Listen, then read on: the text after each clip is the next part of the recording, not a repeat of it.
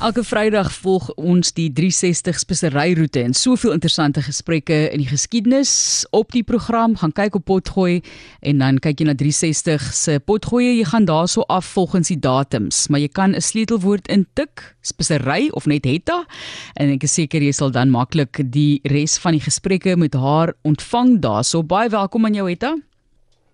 Hallo Martelies, dankie, lekker om weer te praat. Ek moet sê as kultuur en kos historiese is hierdie nou 'n interessante tema vir die dag, maar ons eet so nou en dan almal van ons eintlik seker, maar 'n bietjie kitskos, selfs dit wat jy baie keer ook maar koop in die winkels as jy nou dink 'n 2 minute noodle is ook maar op 'n manier 'n tipe van kitskos en ek dink daar's ook MSG in, maar MSG vir jou as tema as iemand wat nou fokus op hierdie diep geskiedenis van dinge soos peper en sout en so, het jy dit vreemd gevind om die sake na te vors?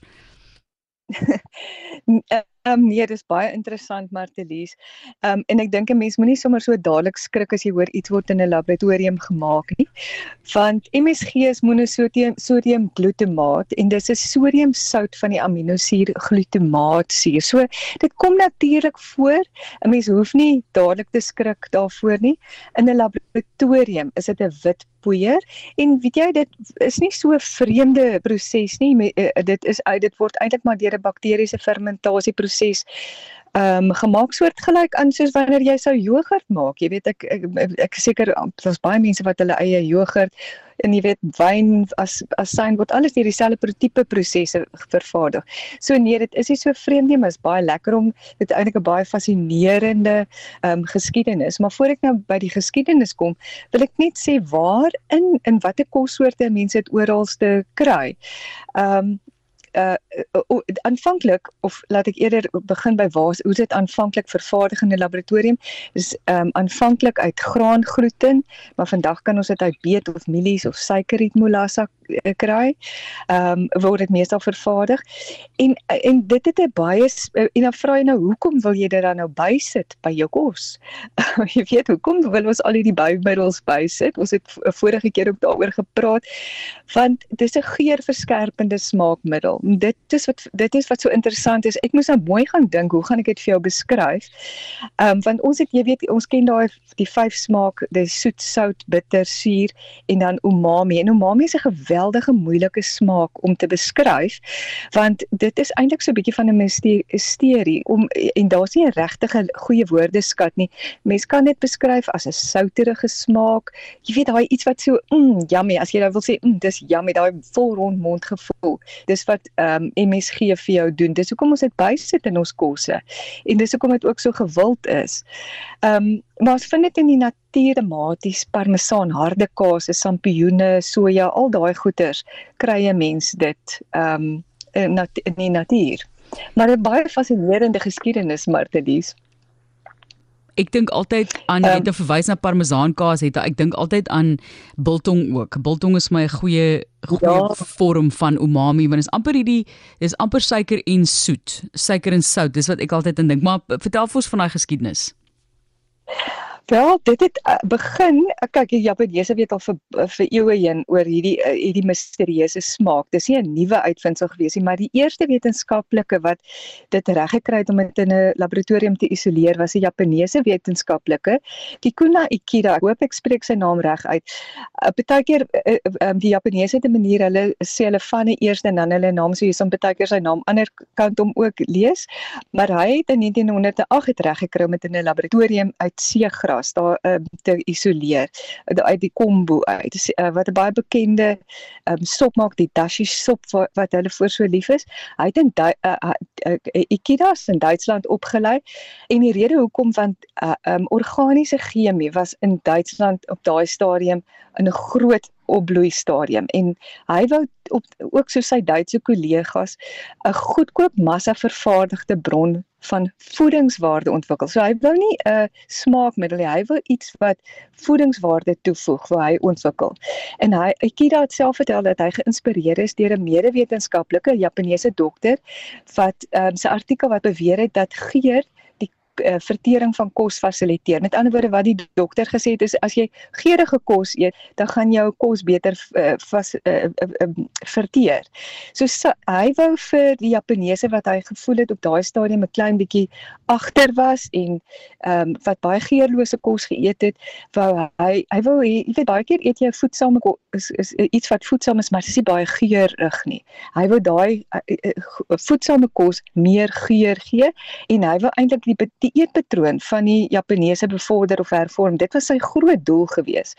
So toe hy dit nou in 1908 isoleer, toe sit omtrent onmiddellik uh, net daarna sit gepatenteer en nogal ehm um, die eerste uh, maatskappy wat dit toe nou ehm um, kommersieel verbou het. Sy naam was die Suzuki Chemiese Maatskappy en hy het voorgestel, Ikeda self het voorgestel dat hulle dit moet noem umami geur, maar hulle wou dit toe nie so noem nie. Hulle noem dit toe Ajinomoto en as jy dit uh, direk vertaal is dit dan die essensie van smaak.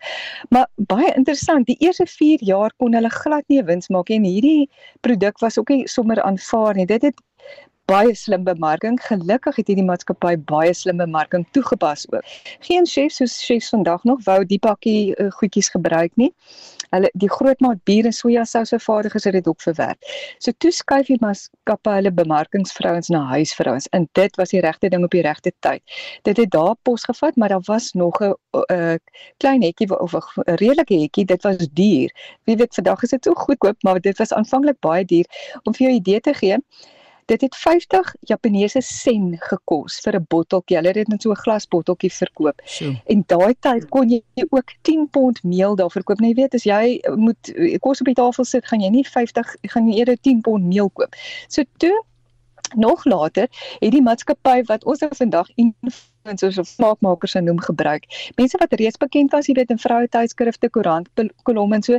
En toe het hulle sommer daarbey nog so 'n geetjie van wetenskap ook bygeklap. Toe het hulle so omgeverf en beskryf in hulle bemarkingsmateriaal as wetenskaplik higienies, jy weet dat dit goeie voeding en die Japaneese nasie, jy weet hulle het sommer 'n bietjie so bietjie op nasie trots ook gesin speel en hulle het gesê dit sal jou nou lei die, die Japaneese nasie nou lei tot in die beskawing.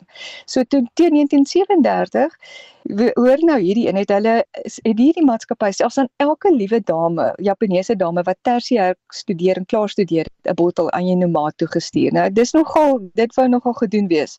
So teen teen na 30 jaar was die eh, dit toe nou redelik gevestig.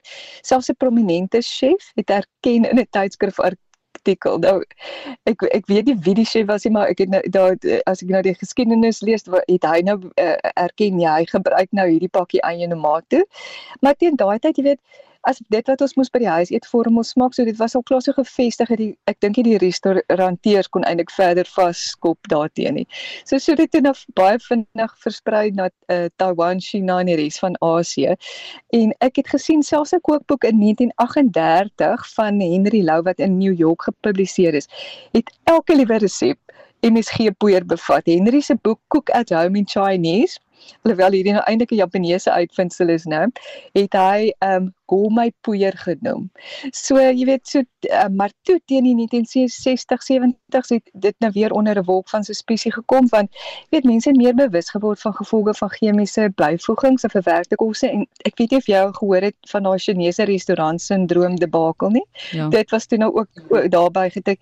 Maar dis so lank stories maar jy weet so dit was so op en af ehm um, gewees, baie vreeslik interessant ehm um, hoe hierdie uh, uh, um, hoe hulle jy weet hoe hulle dit in verskillende lande bemark het. Byvoorbeeld in Taiwan waar mense baie straatkos eet en klein hoeveelhede het hulle dit in 1 kg uh, blikke nou gestuur en dan die winkeleienaars net sulke knippietjies uh, verkoop vir soveel mense wil hê. Maar in Amerika het hulle nou sommer weer in die tonne mate verkoop jy weet. So uh, hulle was regtig slim met hulle uh, bemarking.